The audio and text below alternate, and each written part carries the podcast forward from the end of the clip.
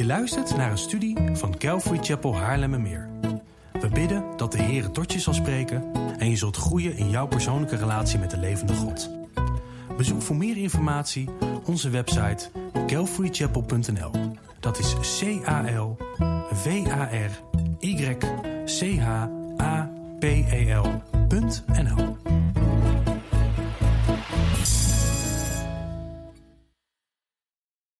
Sta op, o mannen gods. Rise up, o men of God. en niet letterlijk. Weet je, dit is zo'n prachtig lied. Ehm, het is een lied dat een ieder van ons die wedergeboren is, eh, oproept tot grootse dingen. Dingen van eeuwigheidswaarde. En de tekst is zo prachtig. Sta op, o mannen gods. Wees klaar. Wees klaar met geringere dingen. Geef heel je hart, ziel, verstand en kracht om de koning der koningen te dienen. Sta op, o mannen gods. Zijn koninkrijk lijkt vertraagd. Luid de dag van broederschap in. En maak een eind of herstel de fouten van gisternacht. Sta op, o mannen gods, de kerk wacht op jou. Uitgezonden om in mens diepste nood te voorzien. In Christus is onze kracht groot. En verhef het kruis van Christus, treed in zijn voetsporen als broeders van de Zoon des Mensen. Sta op, o mannen Gods, sta op, o mannen Gods. Laten we bidden. Heere God, help ons vandaag alstublieft om de volle lading dat u voor ons heeft toe te eigenen. Laat niets u in de weg staan van wat u in de ieder van ons afzonderlijk en ons gezamenlijk wil bereiken. Doe wat u wil. Gaat uw gang. En help ons, Heer, om, om, om ontvankelijk te zijn voor wie u bent en wat u voor ons heeft. In Jezus' naam. Amen. Um, dit staat vrij hoog, maar goed. De oproep om op te staan, dat, dat suggereert dat wij niet doen wat wij horen te doen. Wat God wil dat wij doen. En daarom staat de Bijbel vol aansporingen, aanmoedigingen en vermaningen om te doen wat God van zijn wedergeboren zonen vereist. En de bedoeling van mijn boodschap vanmiddag is niet om, om jullie een, een zwaar juk op te gaan leggen. Maar het is wel om ons als mannen Gods aan te sporen. Om ons als mannen Gods aan te moedigen en te vermanen vanuit Gods woord, de Bijbel. In Matthäus 11 zegt Jezus: ehm, Kom naar mij toe, allen die vermoeid en belast zijn, en ik zal u rust geven. Neem mijn juk op u en leer van mij dat ik zachtmoedig ben en nederig van hart, en u zult rust vinden voor uw ziel. Want mijn juk is zacht en mijn last is licht. In 1 Johannes schrijft de apostel Johannes dit. Want God liefhebben betekent je aan zijn geboden houden. En zijn geboden zijn geen zware last voor ons. Als God zelf geen zware last op ons legt, wie ben ik dan om vanmiddag dat wel te doen? Weet je, helaas hoor ik regelmatig van mannen die beweren christen te zijn, dat zij het gevoel hebben, en het gevoel is soms heel misleidend, maar dat zij het gevoel hebben dat zij dingen moeten. Zij moeten dingen. En zij moeten de Bijbel lezen. Zij, uh, als ze getrouwd zijn, dan moeten zij de Bijbel samen met hun vrouw gaan lezen. Zij moeten bidden, zij moeten stille tijd houden, zij moeten de samenkomsten niet nalaten, zij moeten fellowship hebben, zij moeten God gehoorzamen enzovoort enzovoort. Voor hen moeten zij heel veel. En hoe zij het christen zijn ervaren is dat zij een hoop moeten. En voor hen is het christen zijn dan wel een zware last. Althans, dat is hoe zij het opvatten. Dat is hun beleving. Maar als ik de Bijbel lees, dan is het juk dat Jezus op ons legt zacht. Het is een zachte juk. Het past goed. Het zit lekker. Het is op maat voor jou en voor mij gemaakt. Hebben jullie ooit een maatpak laten maken? Dat zit gewoon perfect. Dat is, dat is voor jou gemaakt.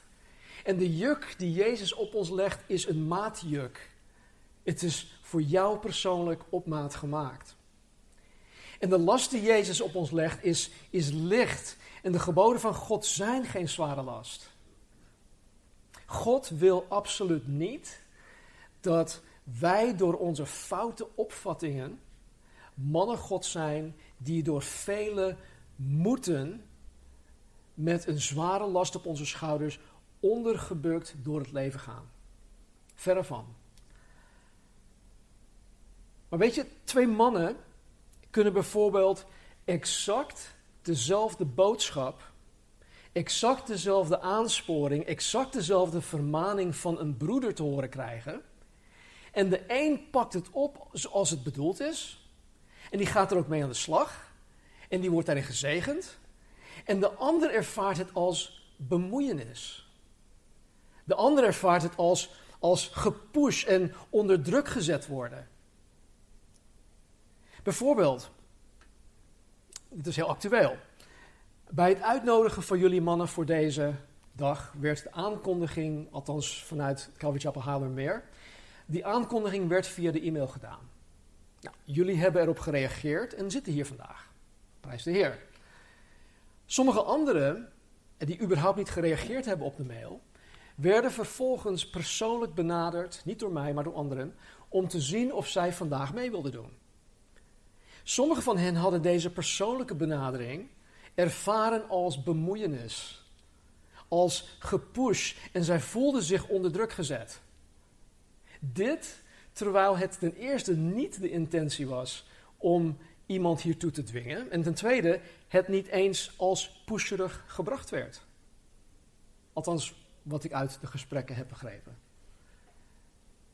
En hoe zij dit opgevat hebben, denk ik, ligt niet aan degene die in alle oprechtheid, onder de leiding van de Heilige Geest en in gehoorzaamheid aan de Bijbel, eh, handelt om zijn broeder aan te sporen om het goede en het juiste te doen. Wat wij vandaag hier met elkaar doen, is goed, het is juist.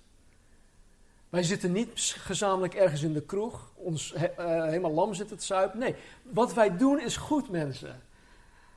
Het is juist.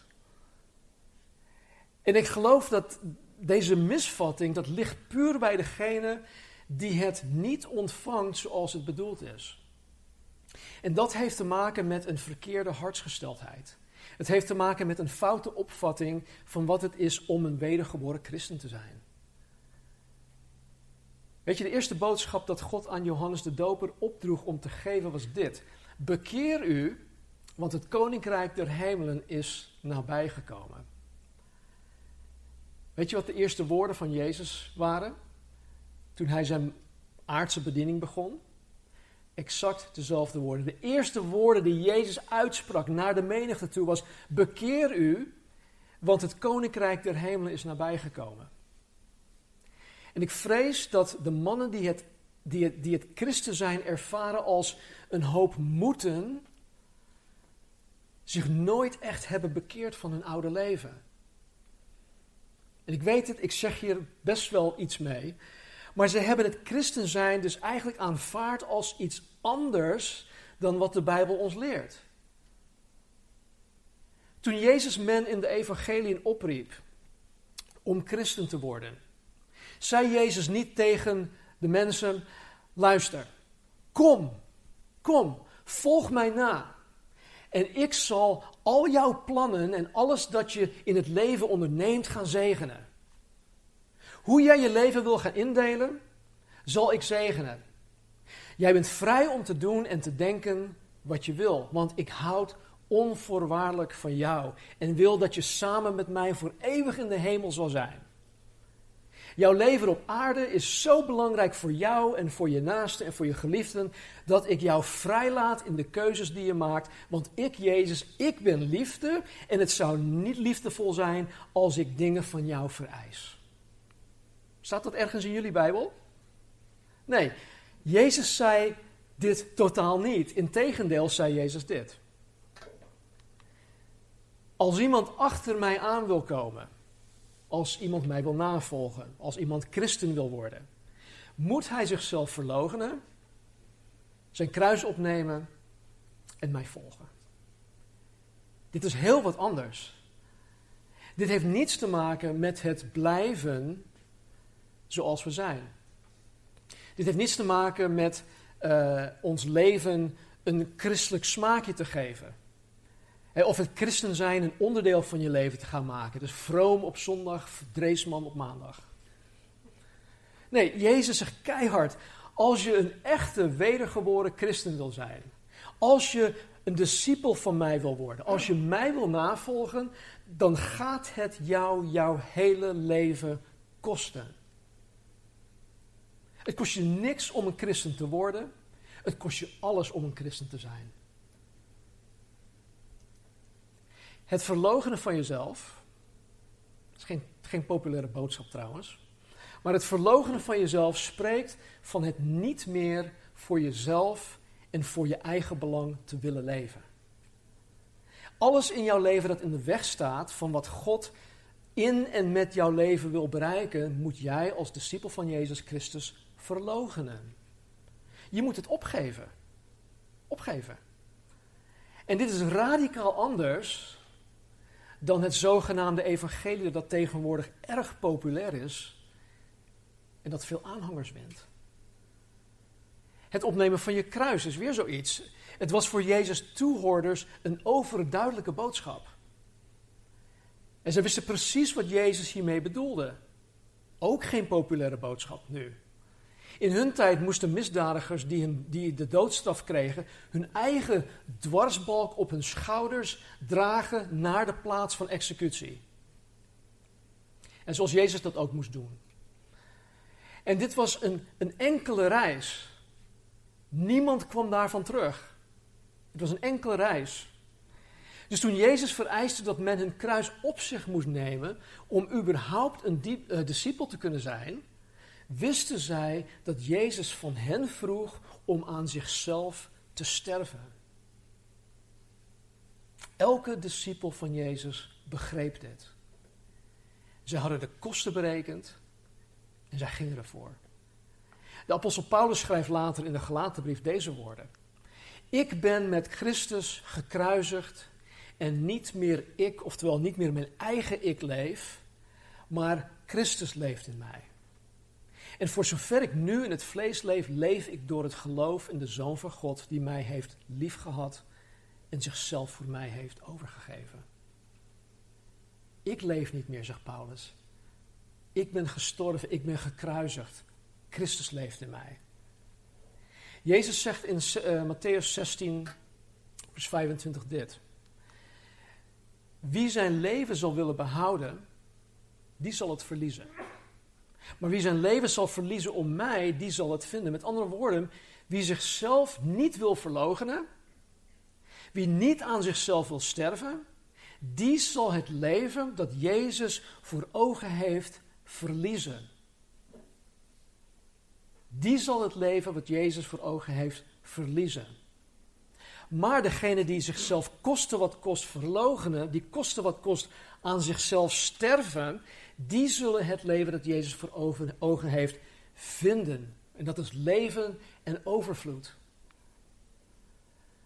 Dus bekering van je, je oude leven tot een leven van zelfverloochening en sterven aan jezelf is wat God van zijn discipel vereist om hem überhaupt te kunnen navolgen. Wij kunnen Jezus niet navolgen zolang ik nog steeds eigen belang heb. Zolang ik nog steeds mijn eigen ding wil gaan doen. Ik weet niet of jullie ooit um, een uh, tiendelige serie hadden gezien van Band of Brothers. Er was een, uh, een jonge gast, die heette Albert Blythe. En die was zo ontzettend timide, zo ontzettend bang van de oorlog waarin hij oorlog moest voeren, dat toen hij op die day gedropt werd, kwam hij ergens terecht in een greppel. En hij moest eigenlijk zijn, uh, zijn company moest hij opzoeken om zich te voegen bij zijn company om de strijd aan te gaan. Wat deed hij? Hij bleef in die greppel zitten. Met zijn geweertje. Bevend, angstig. En hij vertelde dit verhaal aan een zekere Captain Spears. Die, was gewoon echt radicaal. Maar die Captain Spears die zei op een gegeven moment: Weet je wat jouw probleem is, Blythe? Ja, ik was bang. Ik was echt bang. En toen zei die Captain Spears: Nee, we, we zijn allemaal bang. Maar jouw probleem is, is dat jij nog steeds denkt dat jij hier levend uit gaat komen. De enige manier waarop, waarop jij deze strijd gaat winnen is dat, je, dat jij nu al dood bent. Je moet jezelf ook nu als dood beschouwen. Dat is jouw enige redding. En dat is ook de enige manier hoe wij Jezus kunnen navolgen. Ik ben dood, Jezus leeft. Alleen wanneer ik mijn eigen ik verlogen, alleen wanneer ik aan mezelf gestorven ben, sta ik open, sta ik open voor en dan omarm ik Gods aansporing, Gods aanmoediging, Gods vermaning dat tot mij komt, of rechtstreeks vanuit de Bijbel, of door middel van oprechte, heilige geest vervulde en bijbelgehoorzamende broeders. Zolang ik me blijf vastklampen aan mijn eigen ik en mijn eigen belangen, zolang ik mijn eigen ik, of zolang mijn eigen ik nog steeds regeert, zal ik dit soort aansporing, aanmoediging en vermaning ervaren als bemoeienis. Als gepush en als onder druk gezet worden. De wereld zegt, oh joh, je moet mensen in hun waarde laten. Kom ik straks op terug. Kijk, begrijp me alsjeblieft niet verkeerd. Ik snap dat er in uh, zogenaamde kerken van Jezus Christus ongezonde, zelfs schadelijke situaties zijn die over de schreef gaan voor wat betreft mensen manipuleren en macht en controle uitoefenen over mensen. Dat gebeurt helaas. Het gebeurt sowieso in alle sectes en in, in cults, maar het gebeurt ook in, in het evangelisch christendom. En dit is uit den boze. Maar hier heb ik het niet over. Ik heb het over heel wat anders. Maar dan is de vraag: hoe kunnen wij dan zelf onderscheiden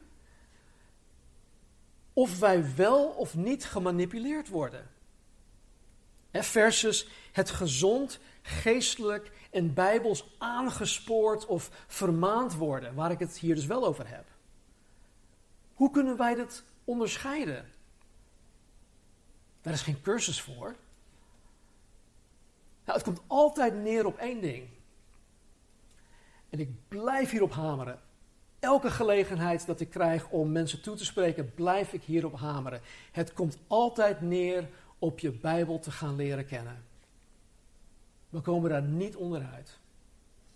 Paulus schrijft niet voor niets aan de kerk in Colosse om het woord van Christus in rijke mate in je te laten wonen. Onderscheidingsvermogen op alle gebieden in jouw christelijk leven krijg je zuiver en alleen door je Bijbel te leren kennen. Er is geen andere manier. Er zijn geen shortcuts. En wat ik vorige week ook in onze kerk zei, of twee weken geleden, er is geen QR-code daarvoor. Er zijn nog geen, geen sneltoetsen om dat te gaan leren. Als je bijvoorbeeld je Bijbel niet kent en een oprechte broeder spreekt jou aan op jouw taalgebruik. omdat wat er als beleidende christen uit jouw mond komt, echt niet kan. Wat gebeurt er dan? Dan ga je je aangevallen voelen dan ga je zeggen dat hij niet mag oordelen. Ook weer zoiets. Ja, maar jij mag niet oordelen. En dan ga je zeggen dat hij zich niet met jou moet bemoeien en dat hij jou in je waarde moet laten. Trouwens, dat staat nergens in de Bijbel, hè, dat wij mensen in hun waarde moeten laten.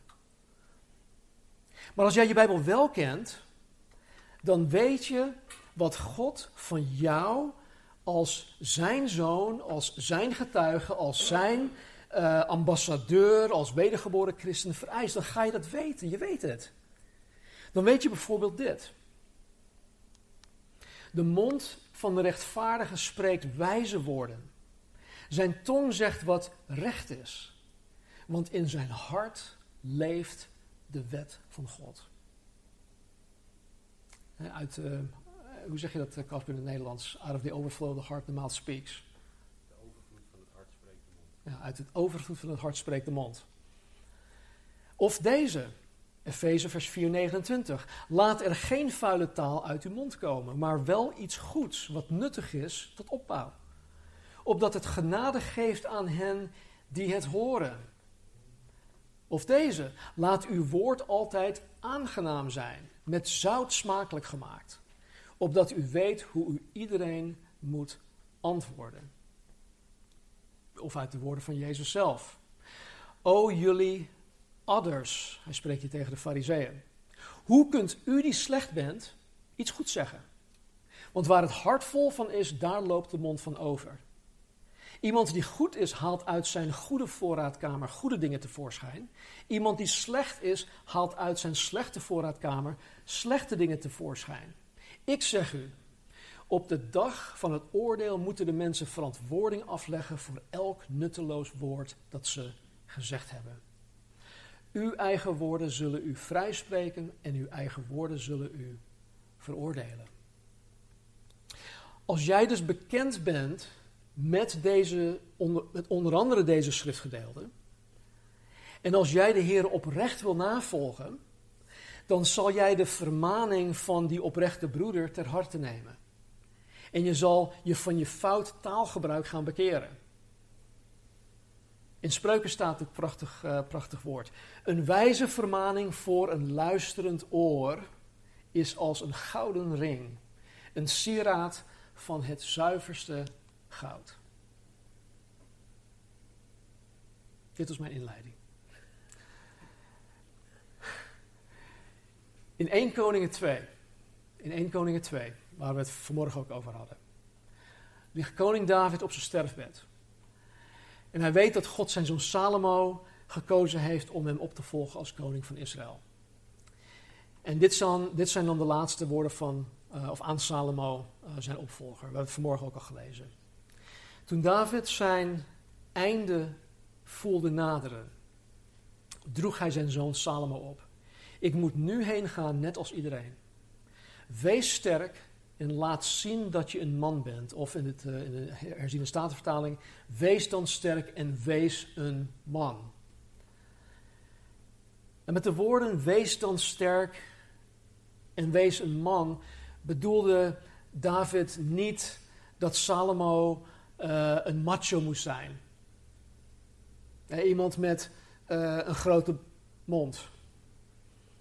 Iemand met grote spierballen of iemand die zijn vrouw weet te commanderen of iemand die uh, tegen veel drank kan of iemand die veel vrouwen kan versieren of iemand die veel kan benchpressen enzovoort enzovoort. Nee, de Bijbel bedoelt hiermee uh, dus ook niet um, dat een man, uh, dat dat man zijn, dat dat inhoudt dat je autonoom bent. Zonder dat je verantwoording of rekenschap bij je broeders moet afleggen. Of dat je alles zelf wel kan. We hebben een kleindochter, onze jongste, drie jaar oud. Toen ze twee was, toen begon ze te praten, anderhalf, twee. Zelf. Kan ik dit? Nee, zelf. Ze wil alles zelf doen. En jammer genoeg leren de meesten van ons dat niet af. En maar de Bijbel bedoelt hier dus niet mee dat wij alles zelf wel kunnen. Of dat je zonder fellowship kan. Of dat je niemand nodig hebt om, om inspraak in jouw leven te hebben. Of misschien eh, sommige mensen denken: ja, het is me en Jesus. Is jij en Jezus alleen. Of jij en de Heilige Geest alleen. Wij, wij kunnen het alleen wel aan. Nee, zo werkt dat niet. Zo heeft God het niet bedoeld. Ik postte een tijd geleden op, ehm, het volgende op social media. Ik heb de kerk niet nodig. Ik bestudeer de Bijbel zelf. Hiermee zeg je eigenlijk dat je de Bijbel helemaal niet bestudeert. Denk er maar even over na. Kijk naar wat God ons door de woorden van David leert over het man zijn. Houd je aan je verplichtingen tegenover de Heer, je God. Gehoorzaam Hem, neem Zijn bepalingen, zijn bepalingen, geboden, rechtsregels en voorschriften in acht, zoals die zijn vastgelegd in de wetten van Mozes. Opdat je verstandig zult handelen bij alles wat je doet, bij alles waar je je op richt. Dan zul je slagen in alles wat je doet en onderneemt. Kortom, Salomo zou een, een echte man zijn. Als hij zijn taak vervult en het woord van God, de Bijbel, in acht neemt. Maar dit is echt niet rocket science. Dit is echt niet zo moeilijk. Vervul je taak, neem Gods woord in acht. Ook wij mannen wij mannen Gods zullen echte mannen zijn wanneer wij onze taak als navolgers van Jezus Christus vervullen. Nu hebben wij als mannen Gods best wel veel taken, we dragen veel hoeden. Maar wat is de opdracht dat Jezus ons voornamelijk heeft gegeven? Al dat andere is, is ik wil niet zeggen bijzaak, is ook erg belangrijk. Maar dat is ondergeschikt aan dat ene ding dat Jezus Christus ons heeft opgedragen. De taak, de grote opdracht. Dus wij mannen God zullen echte mannen zijn wanneer wij de grote opdracht vervullen en het woord van God in acht nemen. In Deuteronomium staat iets heel bijzonders.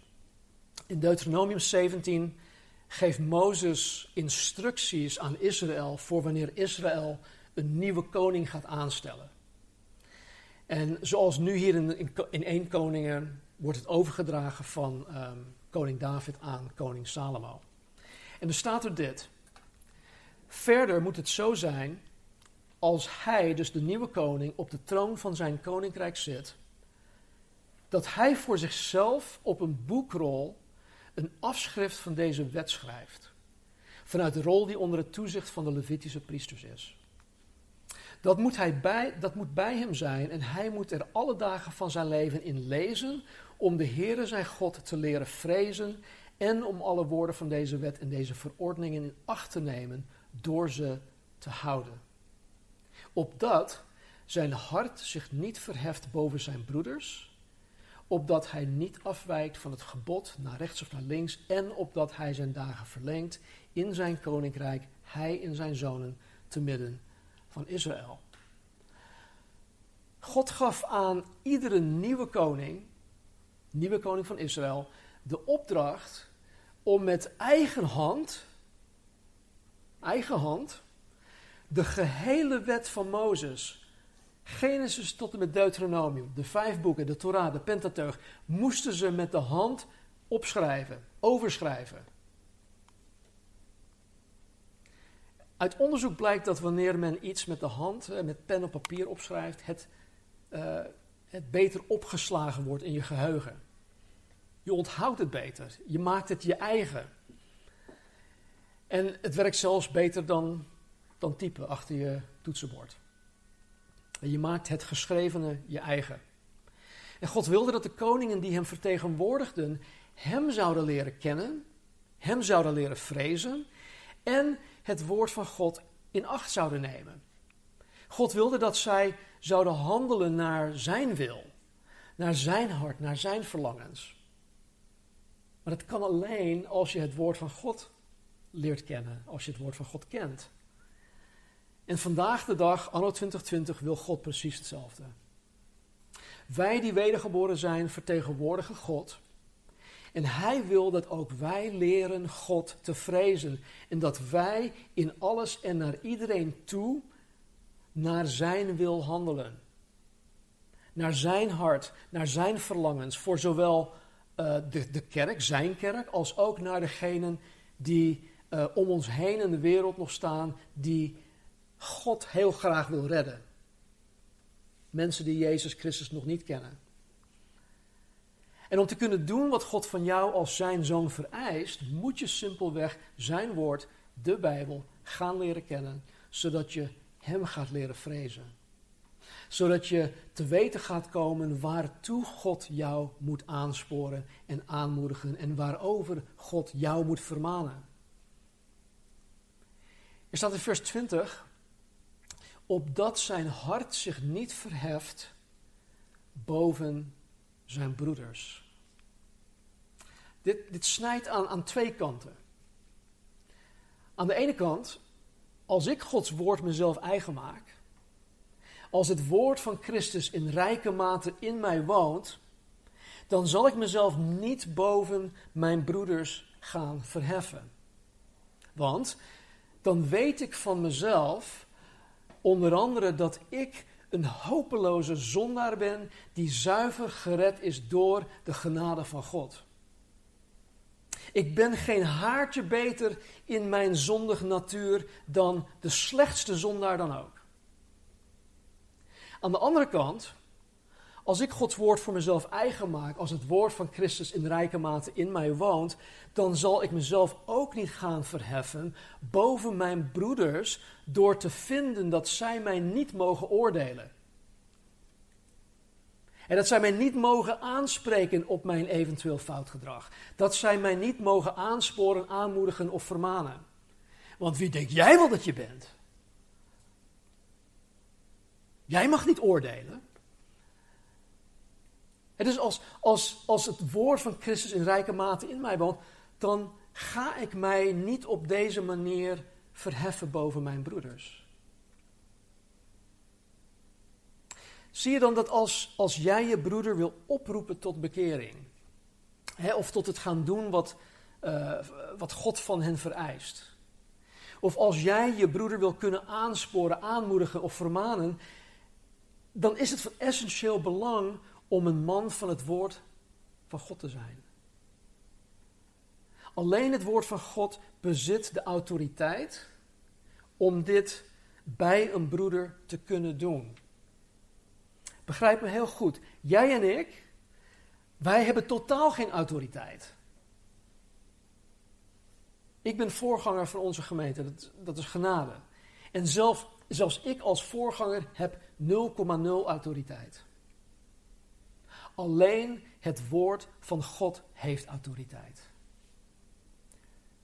Tegelijkertijd, als jij je wil openstellen voor aansporing, als jij je wil openstellen voor aanmoediging en vermaning door een oprechte broeder, als jij zijn bediening op dit gebied wil ehm, accepteren en aanvaarden, dan is het ook van essentieel belang dat je een man van het woord van God zal zijn. Dus aan beide kanten, het snijdt aan twee kanten. Want als die oprechte broeder jou gaat aansporen, aanmoedigen of vermanen met het woord van God, dan weet jij ook dat het niet die broeder is die jou aanspoort, maar het woord van God.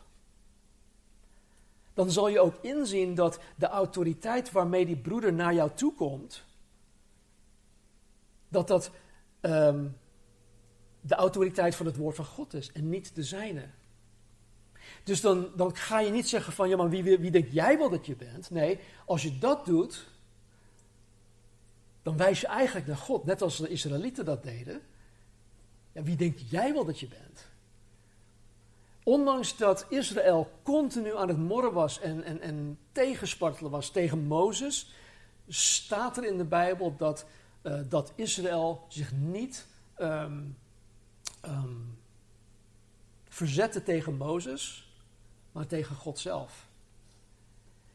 Dus het woord van God heeft, heeft de autoriteit. Wij niet. Daarom is het van essentieel belang dat wij mannen van het woord zijn. Nou, bedoel ik dus ook weer niet dat wij een soort van Gestapo-gedrag moeten gaan vertonen. En dat wij uh, op alle slakjes uh, zout gaan leggen. Of dat wij met een vergrootglas naar iedereen gaan kijken. Oh, wat doet die verkeerd? Wat doet die verkeerd? Hoe kan ik die persoon vermanen? Hoe kan ik die persoon aanmoedigen en aansporen? Nee, dat is totaal niet aan de orde. Maar als God het je laat zien, dan moet je daar iets mee. En soms ook weer niet. Soms, soms laat God jou iets zien over een broeder of een zuster. En soms vraagt God van jou alleen om voor die persoon te bidden. Andere keren zegt God van, hé, hey, ik heb het aan jou laten zien, jij moet naar die persoon toe. En hoe die persoon daarop reageert, is aan die persoon. Maar als je een man van het woord bent, of je nu aan de vermanende kant bent of aan de kant van vermaning ontvangen, als je man van het woord bent, dan zal alles goed komen. Nogmaals, God is er niet op uit om jou een zware last op te leggen. om van alles te, te, te moeten. God is er niet op uit om jouw leven zuur te maken of om jou aan banden te leggen. Wat God wel wil en hoe Hij dit heeft ontworpen, is dat wij als mannen Gods in alle zuiverheid, in alle oprecht, oprechtheid elkaar aansporen. God heeft het bedoeld dat wij broeders elkaar aanmoedigen en vermanen, zodat wij samen, samen geheiligd zullen worden. Zodat wij samen steeds meer op Jezus Christus gaan lijken. Zodat Christus steeds meer gestalte in ons zal krijgen.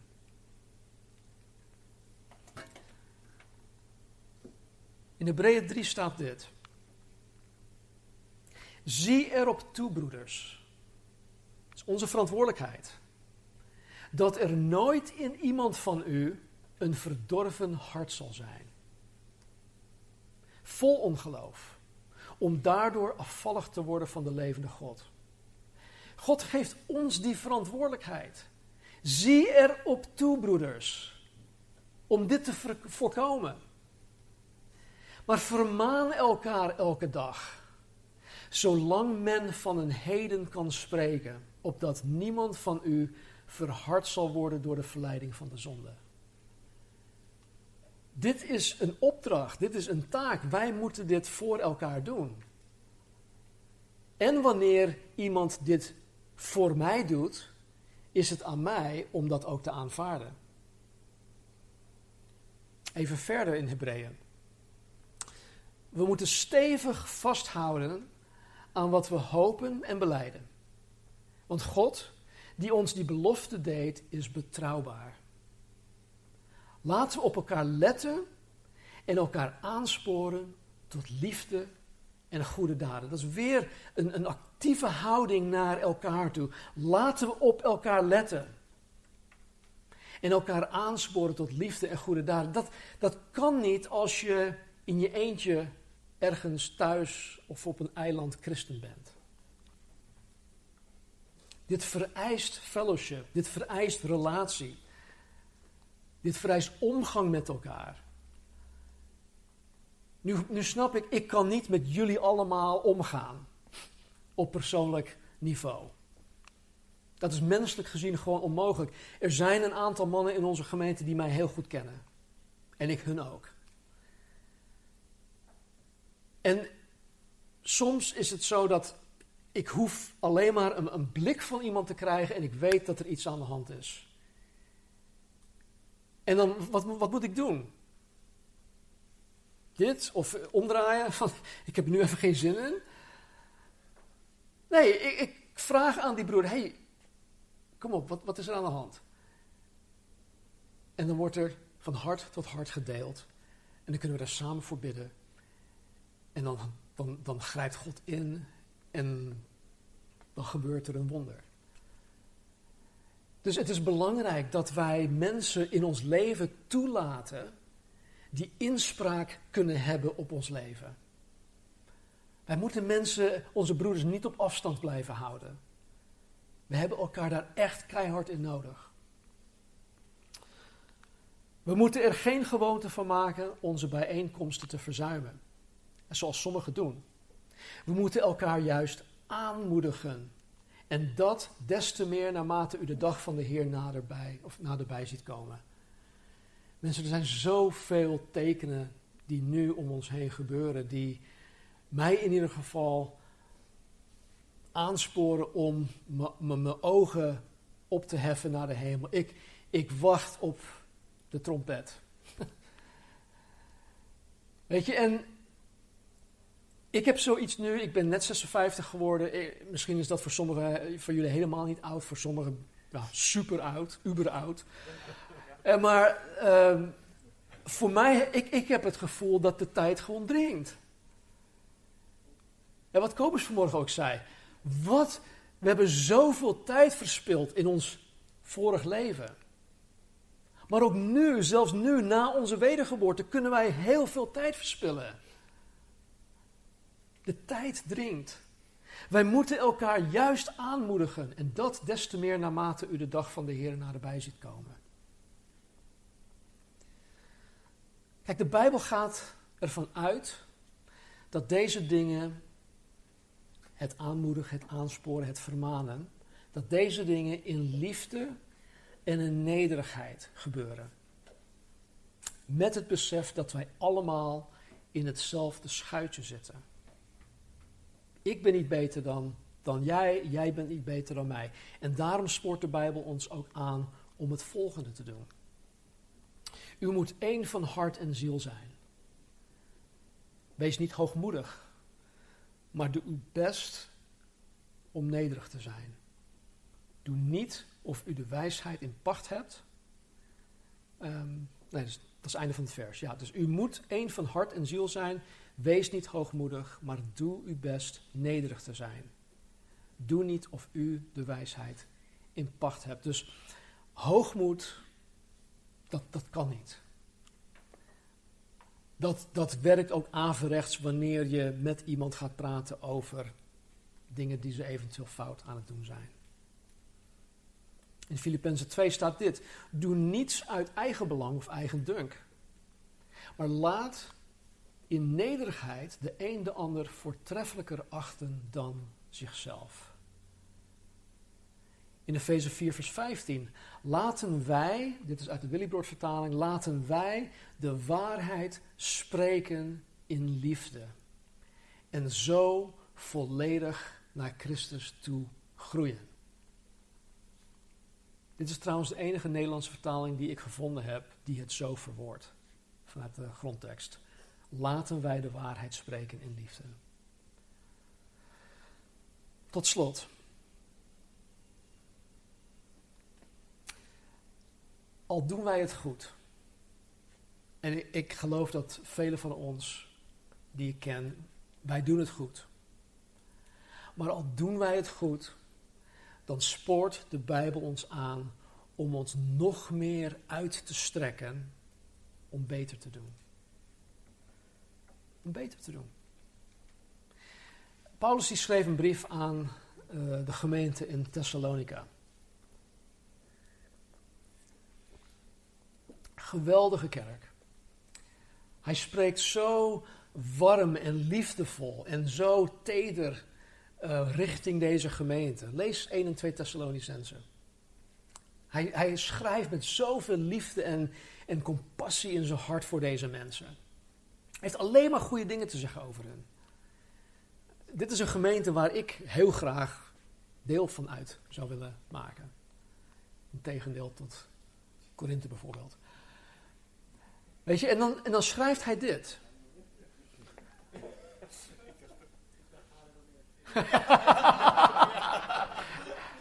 oh.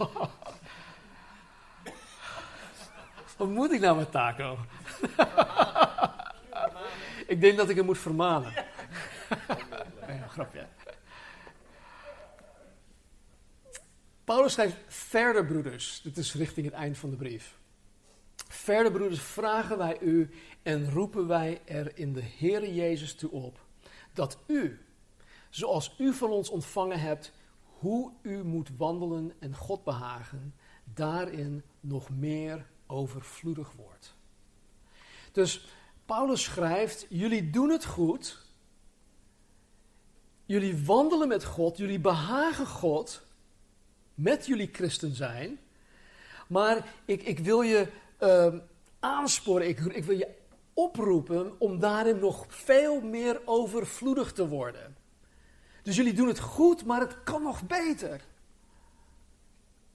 Het kan nog beter. Dus ik, ik, roep je daar, eh, daar, ehm, ik roep je ertoe op om nog beter en overvloediger te worden. Even verder in hetzelfde hoofdstuk. Wat nu de broederliefde betreft, hebt u het niet nodig dat ik u schrijf. Wauw, wat een gemeente. Wat de broederliefde betreft, hebt u het niet nodig dat ik u schrijf.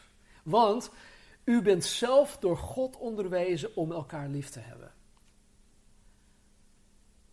Want u doet dat ook ten opzichte van alle broeders die in heel Macedonië zijn.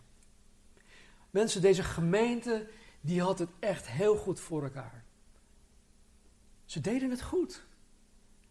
Waarschijnlijk beter dan al die andere gemeentes die in de, de Bijbel genoemd worden.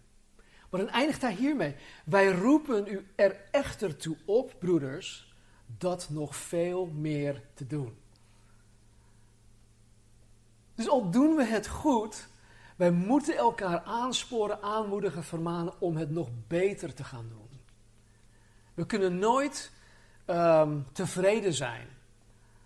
We kunnen nooit zeggen van joh, ik heb mijn piek bereikt en ik wil niet verder. Tot zover en niet verder. Nee, wij kunnen steeds verder, we kunnen steeds beter worden, we kunnen steeds meer groeien, we steeds meer op Christus gaan lijken. Tot op de dag dat wij onze laatste adem hier op aarde uitblazen en onze eerste adem in de hemel inademen, zullen wij en kunnen wij beter gaan doen. Kunnen wij meer op Christus gaan lijken. Dus sta op, o mannen Gods. Laten we bidden. Heere God, dank u wel dat u uw woord hebt gegeven. Dank u wel dat u ons bij elkaar hebt gebracht om ja, dit met elkaar te mogen beleven. Dank u wel dat u ons oproept om op te staan. Dank u wel dat u zoveel voorbeelden in uw woord hebt gegeven, waarin u heel nadrukkelijk zegt dat wij elkaar moeten aansporen. Elkaar moeten aanmoedigen, elkaar moeten vermanen, elkaar moeten bemoedigen. Heer, dank u wel ook dat u in Matthäus 18 ook zegt dat als iemand zondigt, of als iemand tegen u zondigt, of tegen mij zondigt, dat ik, niet, dat ik naar die persoon toe moet gaan, met die persoon moet praten, om die persoon te winnen. Dank u wel dat u ook in Matthäus 5 zegt dat als ik maar denk dat iemand iets tegen mij heeft, dat ook ik naar die persoon moet gaan. Dus Heer, als wij dit actief en proactief doen, als wij u hierin gehoorzamen, Heer, zullen zoveel issues en problemen in uw gemeente, in de kerk, opgelost worden. Die zullen gewoon uit de wereld geholpen worden. Help ons daarbij. Help ons om dit te doen. Help ons om dit te zijn. Mannen Gods, die u, Jezus, koste wat kost willen navolgen, die u willen gehoorzamen die uw woord tot ons willen nemen. Zodat het woord van Christus in rijke mate in ons zal wonen. Dus Heer, doe dat in ons. Help ons. We hebben u nodig. Dat vragen we in Jezus' naam. Amen. Dank jullie wel.